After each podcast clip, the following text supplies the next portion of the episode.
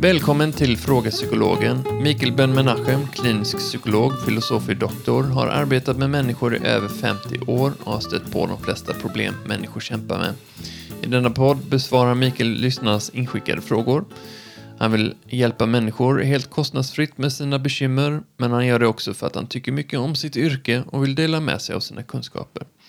Ämnen som han tacklar är bland annat hur man hanterar ångest, äk- äktenskapsproblem, fobier och mycket, mycket mer.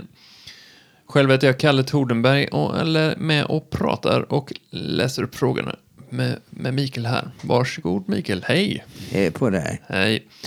Så vi har lite av ett eh, jubileumsavsnitt här, vi är 30 avsnitt in på den här podden. Jaha. Eh, hållit på lite mer än ett halvår då. Men eh, med det så har vi sett att vi har eh, ungefär eh, lite över tusen lyssningar, vilket vi är väldigt tacksamma för. Oj, oj, oj, oj. Ja, det är jätteroligt. Eh, ökat väldigt mycket sista tiden. Jag tror folk har faktiskt ett behov av att lyssna på psykologer och, och gräva lite i, i sina sinnen och sådana grejer.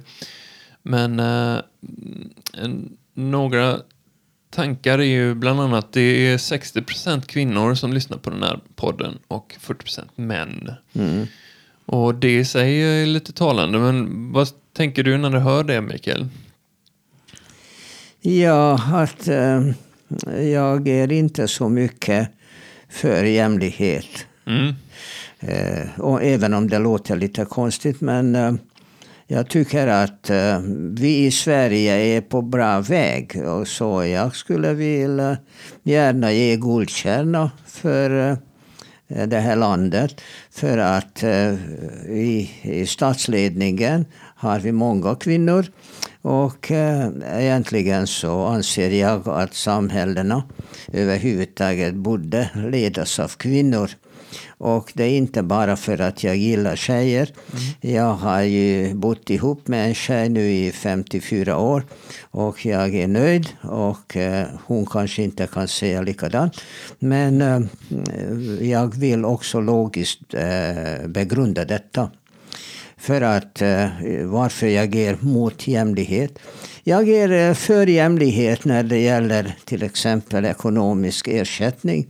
Jag tycker att min hustru som är professor i neurologi eh, borde eh, ha fått samma lön som en manlig kollega. Jag fattar inte varför samhället tycker att en manlig kollega in eh, vilket ämne som helst eh, borde få högre lön än min fru. Jag begriper, jag, jag, jag fattar inte det, jag begriper inte det. Eh, på det sättet eh, så, så är jag för jämlikhet. Men annars så tycker jag att män och kvinnor är i, i mångt och mycket är olika. Och just när det gäller statsledning så tycker jag att ett land borde eh, ledas av kvinnor. Och varför jag säger så, för att det är ju eh, inte jämlikt. För att eh, eh, det finns ju många väldigt viktiga samhällsfunktioner som eh, kvinnor är bättre rustade att ta hand om. Och där eh, menar jag till exempel eh, barnuppfostran, eh, utbildning, Eh, social eh, service eh, och eh, naturligtvis en hel del annat också. Jag menar en kvinnlig matematiker är minst lika duktig som en, en manlig kollega eller läkare eller vad som helst. I princip gäller det alla intellektuella yrkena. Men eh, när när det gäller kvinnor så jag tror att eh, kvinnor i stort är mindre våghalsiga när det gäller att fatta beslut. Och eh, genom att, eh, att de ofta eh, närmar ett problem mera från det känslomässiga området så kan man vinna väldigt mycket i många områden på att ha kvinnlig, kvinnliga ledare.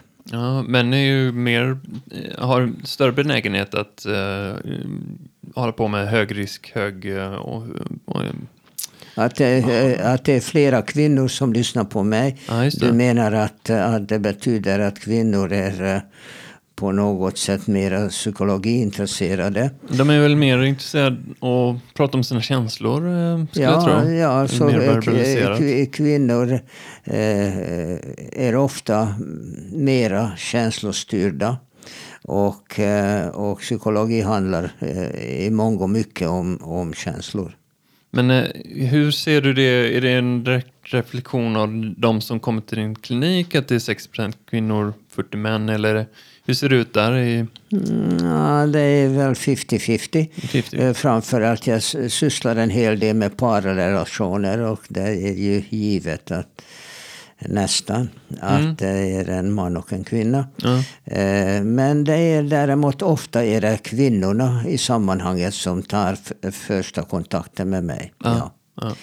Däremot så tycker jag att vi bör inte betrakta den statistiken som, som någonting som är eh, graverad i sten utan det kan ändra sig. Och eh, jag är faktiskt eh, imponerad över att eh, 40 procent av mina lyssnare är män. Mhm. Jag skulle ha trott från början att det var mindre än så. Mm. Ja, verkligen. Jag tror det är en reflektion av vår tid också. Att eh, mer män kan ta sig för och kanske ens sätta ord på sina känslor som kanske var mer... Ja, det var liksom Ja, det är, inte alltså, lika det vanligt är förr. j- jätteintressant vad du säger, Kalle. För att eh, i vissa samhällen och vissa språk finns inte ord för att beskriva vissa känslor. Nej. Det är ju fenomenalt och eh, jag har läst eh, studier som handlade om invandrare eh, från nordafrikanska länder till Israel. Mm. Och, eh, och forskarna rapporterade att eh, många eh, som sökte psykologisk hjälp av eh, invandrarna eh, klagade över magont, eh, huvudvärk och så vidare. Och när psykologer kom i kontakt med dem så visade det sig att, eh, att problemen som vi har talat tidigare också om, vi pratade om, eh, om psykosomatiska besvär, eh, typ eh, IBM till exempel, irrita- irritable bowel syndrome, tyvärr rätt så vanlig i Sverige, IBS, Mm. Eh, att dessa människor som eh, hade eh, arabiska språk som modersmål inte hade ord för att beskriva psykologiska problem. Nej, okej. Och det är därför de klagade över saker som de hade ord för. Men det betydde inte att de inte hade de känslorna. Och eh, säkert är det så i många andra samhällen också. Så att ord betyder väldigt mycket i sammanhanget. Ja, men det är, vi har ju berört det innan också, men att fler i dagens samhälle tror jag tar till sig psykologisk hjälp, i alla fall kanske läsa om det och även söka professionell hjälp för att sätta ord på det mer och mer. Att det eh, ligger mycket i dagens eh, ångestfyllda samhälle också. Ja, absolut. Och eh, ord eh, är ju kolossalt viktigt. Eh, och eh, jag är en av de mest eh, eh, ska jag säga, imponerad, imponerade läsare av eh, professor Anderssons spalt i Göteborgs-Posten. Det brukar komma lördagarna. Eh, som handlar hela tiden om nyanser i svenska språket. Ja. Och eh, hur eh, folk använder ord nu för tiden som egentligen betyder något helt annat. Och det betyder inte att man inte kan börja och använda ett ord felaktigt. Och, eh, och så småningom, på grund av att många gör det, så, så kommer det i Svenska Akademins ordlista. Så att eh, det förekommer. Men eh, ord är ju viktigt och eh, det är också av avgörande betydelse att man använder ord på rätt sätt. Ja.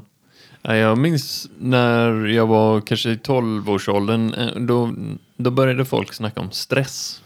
Innan dess hade jag aldrig hört talas om ordet stress, men Det var en period liksom man skulle prata om stress nästan hela tiden. Det gör man fortfarande men eh, det är nästan som en trend. Eh, folk ja, använder det nästan till leda. Känner du igen det när det är vissa, så här, äh, vissa psykologiska fenomen som dyker upp i populärkulturen? Och gemene man. Ja, ja visst. Eh, jag har hört en gång, det är kanske en skröna, men det illustrerar eh, problemet på på bra sätt. Att det var en, eh, en jag tror att det var i Botswana i Afrika att en ung man efter att ha gått eh, gymnasiet där och tog studenten ville studera vidare i eh, London. Och eh, han skickades iväg. Pappan hade tillräckligt mycket kossar så att han kunde bekosta sonens medicinska studier mm. i England. Och eh, efter ett antal år så kom han tillbaka som färdigutbildad psykiatriker. Och då säger hans pappa honom, va? Psykiatriker, vad gör en sån här? Mm. Och då berättar sonen, Nej men, säger pappan, psyk, psyk, psykiska problem, det finns inte i Botswana. Eh, men killen eh, sätter upp en mottagning, köper lite IKEA-möbler och förlåt för annonsen. Och en skylt att doktor det och det, psykiatriker. Och då säger pappan, nu får du sitta här ensam eh, dagarna i ända. Mm.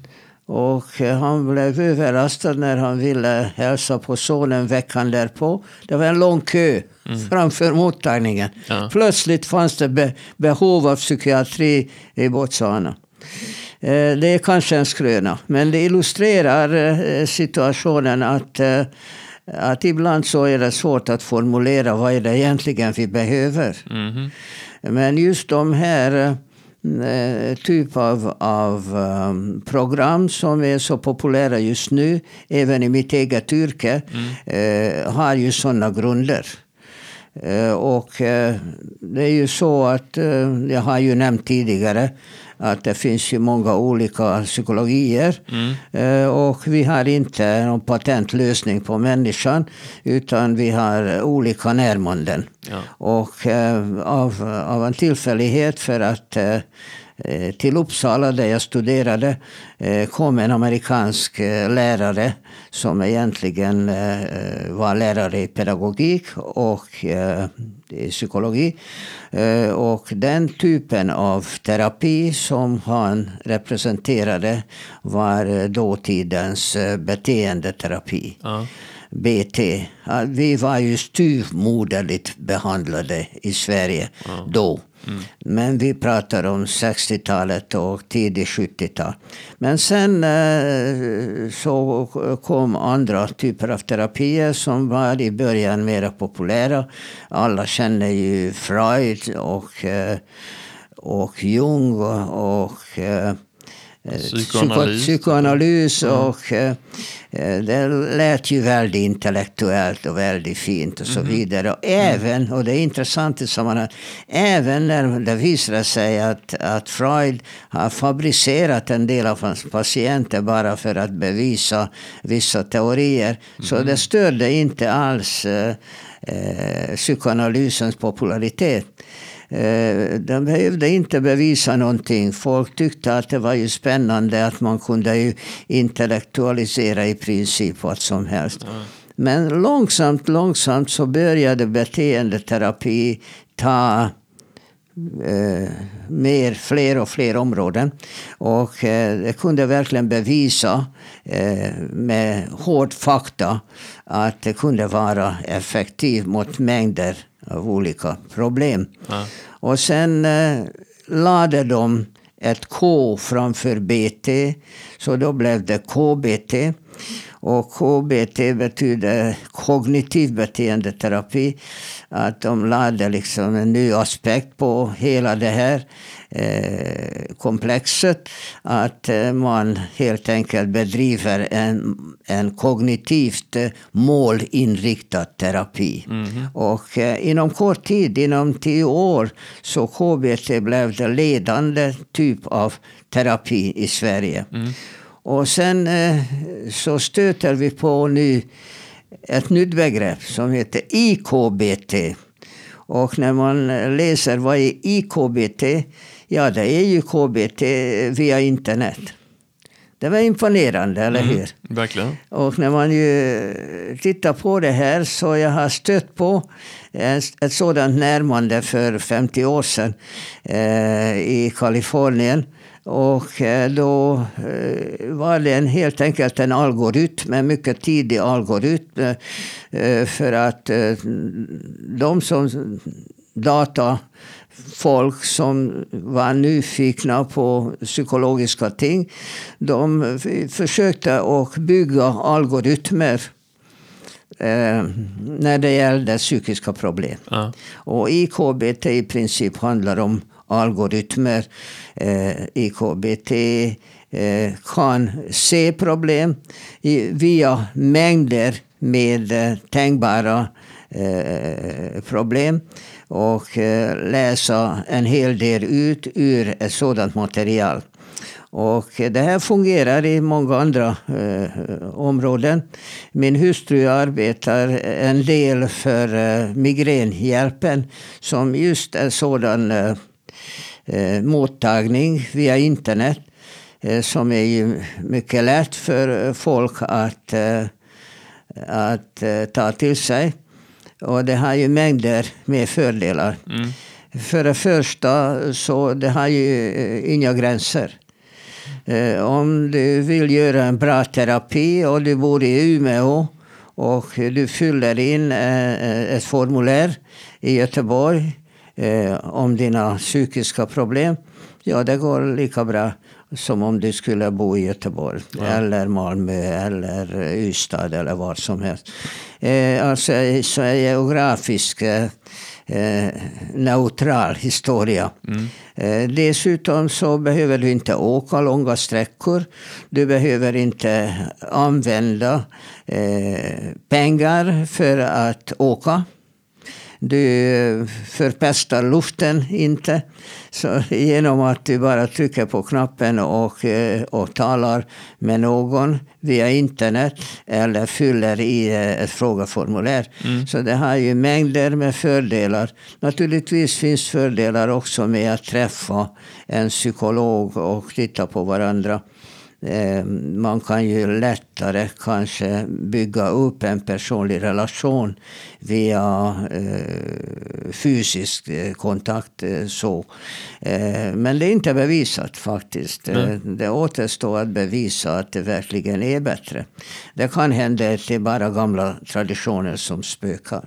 Ja, men oftast när man digitaliserar någonting så, så sker ungefär samma typ av av process som jag ser det. Ungefär som att, uh, att läsa korta inlägg på i sociala medier kan ju inte ersätta att läsa en bok. Men det kan, det kan ge en att läsa någonting på nätet kan leda en till att man läser en, hittar en bok till ja, exempel. Så skulle man tro. Men jag som är synskadad Eh, Eh, så blev naturligtvis väldigt ledsen eh, när jag fick en blödning i ena ögat och hade svårt att läsa eh, och började läsa via internet så tillvida att jag får böcker från biblioteket eller från internet direkt eller i min telefon och eh, kan eh, lyssna på eh, böcker. Och jag måste ärligt säga, Kalle, jag som är en bokmal, jag har aldrig i mitt långa liv läst så mycket böcker som jag gör nu. Mm. Ja, men det är su suveränt. Nej, men jag tänker på digitalisering av, av psykologi.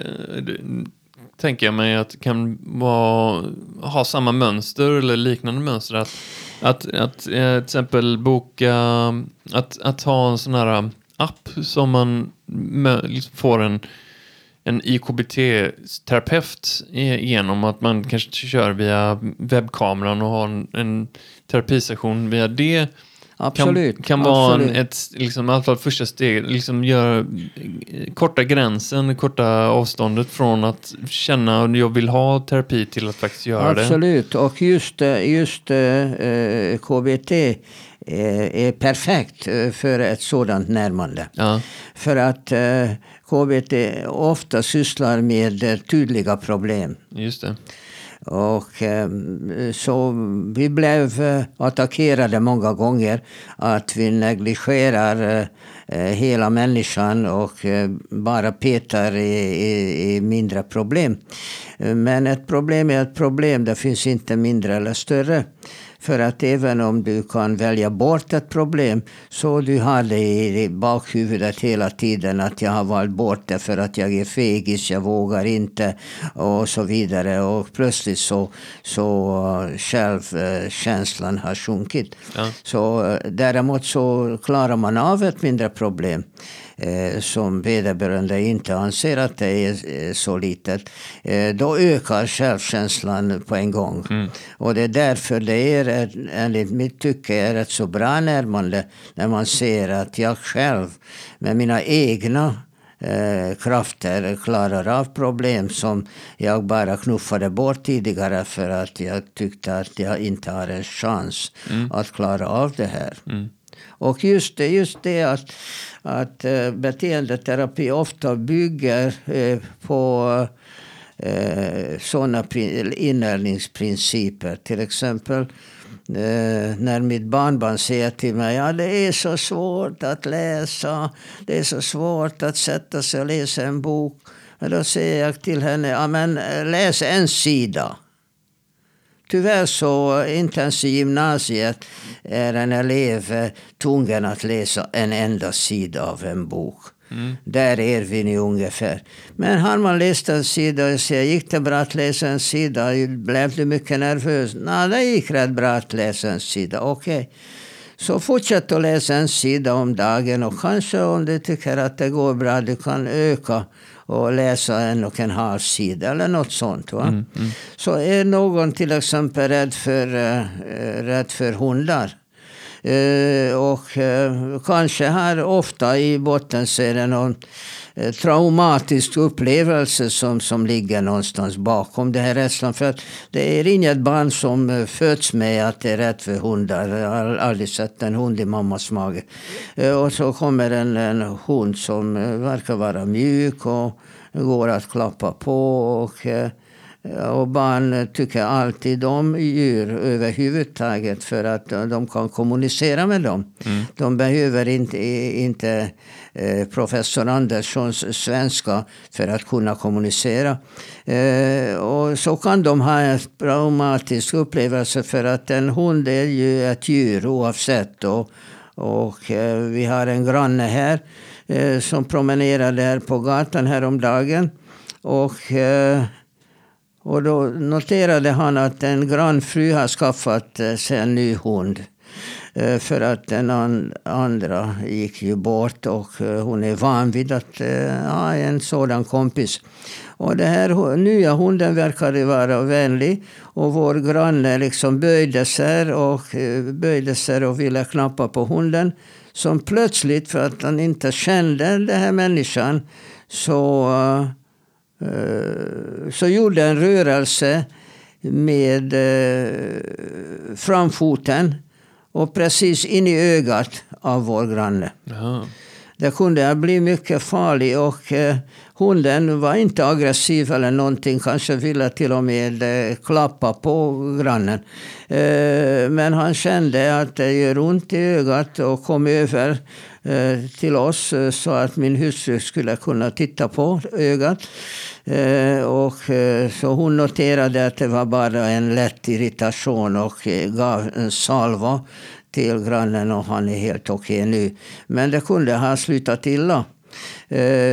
Och därför så ofta en sådan enkel traumatisk händelse som ligger bakom en fobi Alltså en överdimensionerad rädsla för hundar till exempel. Så mm. vad gör beteendeterapi? De säger okej, okay, vill du vara mindre rädd för hundar? Ja, gärna. Okej, okay. så då gör vi så här. Eh, vi lär vederbörande att slappna av med olika metoder som vi lär ut. Det kan vara en eh, muskel eh, eh spänning och eh, avslappning, typ av, eh, av avslappning. Det kan vara djupandning, det kan vara hypnos, det kan vara autogen träning, det, det, kan vara en hel del olika typer av avslappningar. Mm. Det kan vi prata flera timmar om. Hur som helst, eh, vi lär en sådan människa att slappna av. Mm. Okay. Mm. Så han har lärt sig att slappna av i tio minuter. Och då ber vi honom att föreställa sig en hund.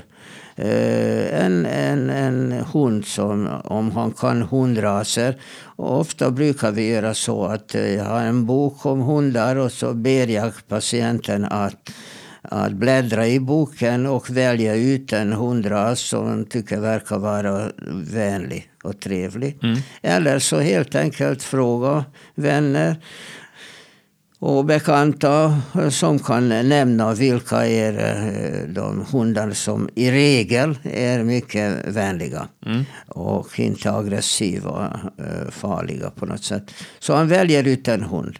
Och då ser vi, titta på hunden eh, Eh, och så tittar han på det här. Är du rädd för den här hunden?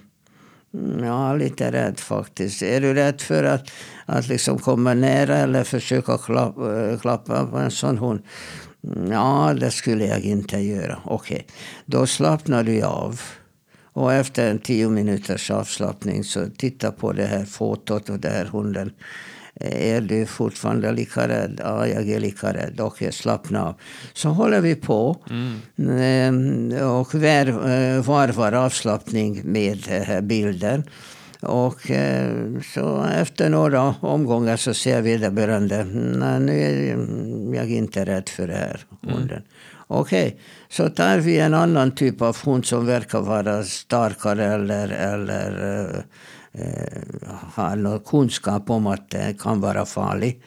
Och så, så gör vi samma procedur och långsamt, långsamt bygger vi upp så att han kan till och med eh, se en schäfer som är stor och verkar vara farlig. Men han slappnar av och tycker inte att eh, är rätt för den hunden. Okej, okay. mm. då, tar, då tar vi kontakt med någon som kanske har en schäferhund. Eller en, en kennel. Eller eh, hundägarklubb eller något sånt. Och eh, ber att, att någon ska komma till mottagningen med en sådan hund. Och ehm, då behöver inte patienten eller klienten i fråga klappa på den hunden någonting utan hundägaren med hunden i koppel går bredvid och promenerar. Och ehm, om vederbörande tycker eh, efter den här promenaden att han kände rädsla när de gick så här så slappnar han an och vi avslutar det hela. Och så gör vi det några gånger tills han tycker att med tanke på eh, rutin att han har gått med den här hunden eh, fastän den var ju kopplad och det var ägaren som förde hunden. Eh, så känner ingen rädsla längre. Och eh, så vi väljer liksom Eh, Eh, en annan situation och långsamt, långsamt bygger vi eh, på det och varvar hela tiden med avslappning. Och till sist så kan vederbörande själv gå med hunden eh, i koppel och kan klappa på den och till och med kan vara ihop med det här schäferhunden utan koppel eller så. Och i det här stadiet så kan vi avsluta terapin för då, då har han blivit av med det här traumatiska upplevelsen av att hundar är farliga. Mm. Det kräver lite tid och mm. systematiskt arbete. Och det här är ju perfekt eh, typ av, av terapi för, eh, för just sådana problem. Och visst kan man göra eh, liknande problem och, och närma sig till sådana problem med hjälp av, av internet. Ja, just det. Det är bara att modifiera lite grann. Men att, att öka farlighetstakten och, eh, och lära sig avslappning. Ja, det här går hur bra som helst via internet. Och då har vi vunnit väldigt mycket. Ja, är, den här podden är lite internetbaserad eh, terapi kan man säga. I alla fall psykologi. Ja, alltså, jag tycker att en hel del psykologi kan göras faktiskt via internet. Mm. Och det här är inte nu. Eh, jag har varit med om en sån här algoritm för, för ungefär 50 år sedan när jag var i Silicon Valley. Det var någon datakille som har utvecklat en sån här hälsoalgoritm och skulle testa på mig. Och eh, jag ställde upp och det var mängder med frågor som jag besvarade.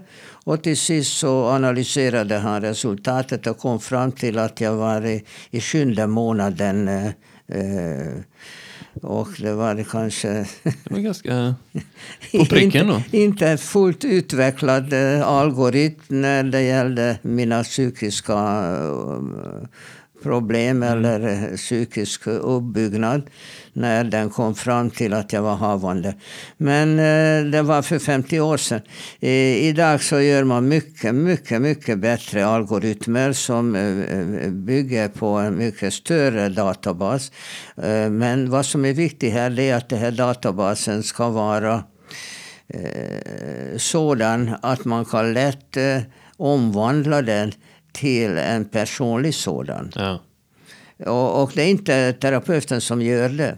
För att genom att, eh, att besvara mängder med frågor så styr man själv ett, eh, ett sådant program. Och eh, det behöver inte vara skräddarsydd mm. från början. Utan det är ett mycket allmänt program. Och det är eh, klienten själv som sorterar. Och genom att sortera så visar han en, eh, en personlighet. Och på, på ett sätt, om vi tittar på gamla personlighetstester, till exempel Rorschach.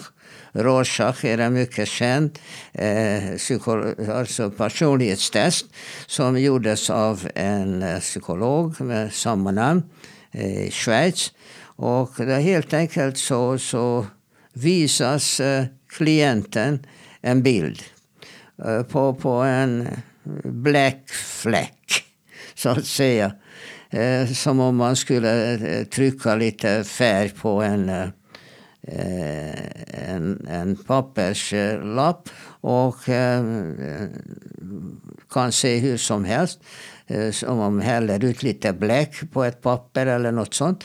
Och, eh, och så ber man eh, vederbörande att tolka det. Vad är det man ser? Mm. Och jag är nära en sån här. sedan jag blev synskadad. Att jag är ju konstnär också och eh, jag brukade ju måla eh, landskap. Eh, och det har jag gjort i många år. Och att jag inte ser så bra sen hindrade mig inte att fortsätta att måla. Och mina landskap som jag målar idag, de skiljer sig eh, rätt ordentligt från det landskap jag målade i Toscana för några år sedan. Eh, men eh, det generar inte folk som tittar på tavlorna. Utan de berättar för mig olika historier vad tavlorna handlar om. Eh, jag är eh, så vänlig att eh, alla de här tavlorna är landskap. Mm. Däremot så vet man inte riktigt vad det är vad.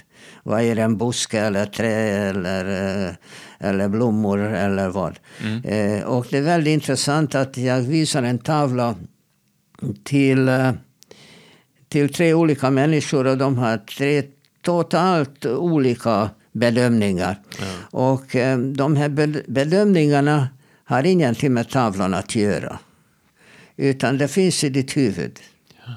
Och det är väldigt skojigt och det säger en hel del om en människa, hur han tolkar en sån här tavla som jag har målat nyligen. Ja. Och på det sättet så kunde man eh, rita upp en personlighetsprofil faktiskt. Eh, det är vad Rorschach gör. Eh, men det är mycket mindre eh, exakt än om man gör en algoritm. Det måste jag säga till dig. Så att eh, även om det tar lite tid för att titta på en tavla, det kanske inte tar så lång tid. Och att fylla in som eh, migränhjälpen gör, så måste vederbörande som anmäler sig som patient fylla in ett, ett frågeformulär på 70 frågor. Och bara då eh, kommer det här internetbaserade eh, formulär till en neurolog. Mm. Och då har patienten redan fyllt in eh, 70 frågor. Och eh, det säger väldigt mycket om eh, det här huvudvärken som vederbörande har. Så det, det, det tar tid att fylla i en sån här. Men jag lovar dig att det är mycket mer exakt instrument än att titta på en tavla eller Rorschach-fläck. Ja, bra att det finns sådana verktyg nu för tiden att ta till. Ja, det finns eh, sådana verktyg eh, Eh, överallt i världen. Det är lite beror på kultur och, och eh, land och språk så att det varierar lite grann. Men i princip eh, hela tiden handlar det om att genom en hel massa frågor eh, lyckas man få en rätt så detaljerad, detaljerad bild av en människa. Ja. Och apropå frågor så uppmuntrar vi alla lyssnarna om ni har någon fråga till Mikael om allmänt eller ert egna liv så skriv in eh, antingen via e-mailet frågapsykologen att, eh, frå, fraga psykologen eh, at gmail.com eller via Facebook och Instagram. Det är bara att skriva direkt där. Vi uppskattar det jättemycket. Eh, som sagt, internetbaserad terapi. Eh, rider på den eh, vågen här. Eller vad säger du? Ja, vi kan själva göra ett sådant och vi kanske kommer att göra det. Och det gäller bara att en människa är tillräckligt intresserad av att arbeta med det. För att KBT eller IKBT handlar hela tiden om material. Mm. Eh, vi, vi, vi kan inte göra bedömningar utan bakgrundsmaterial. Så att om en människa vill bara oja sig och eh, tycka att eh, min kropp är som en bil och eh, jag tar det här till rundsmörning eller service eller någonting ibland och så kan specialister fixa det här. Eh, ja, om man har en sådan inställning då hjälper inte en IKBT. Däremot om du är medveten om att vissa saker är problematiska för dig och eh, du vill inte acceptera för att de, du dör inte av det för det mesta.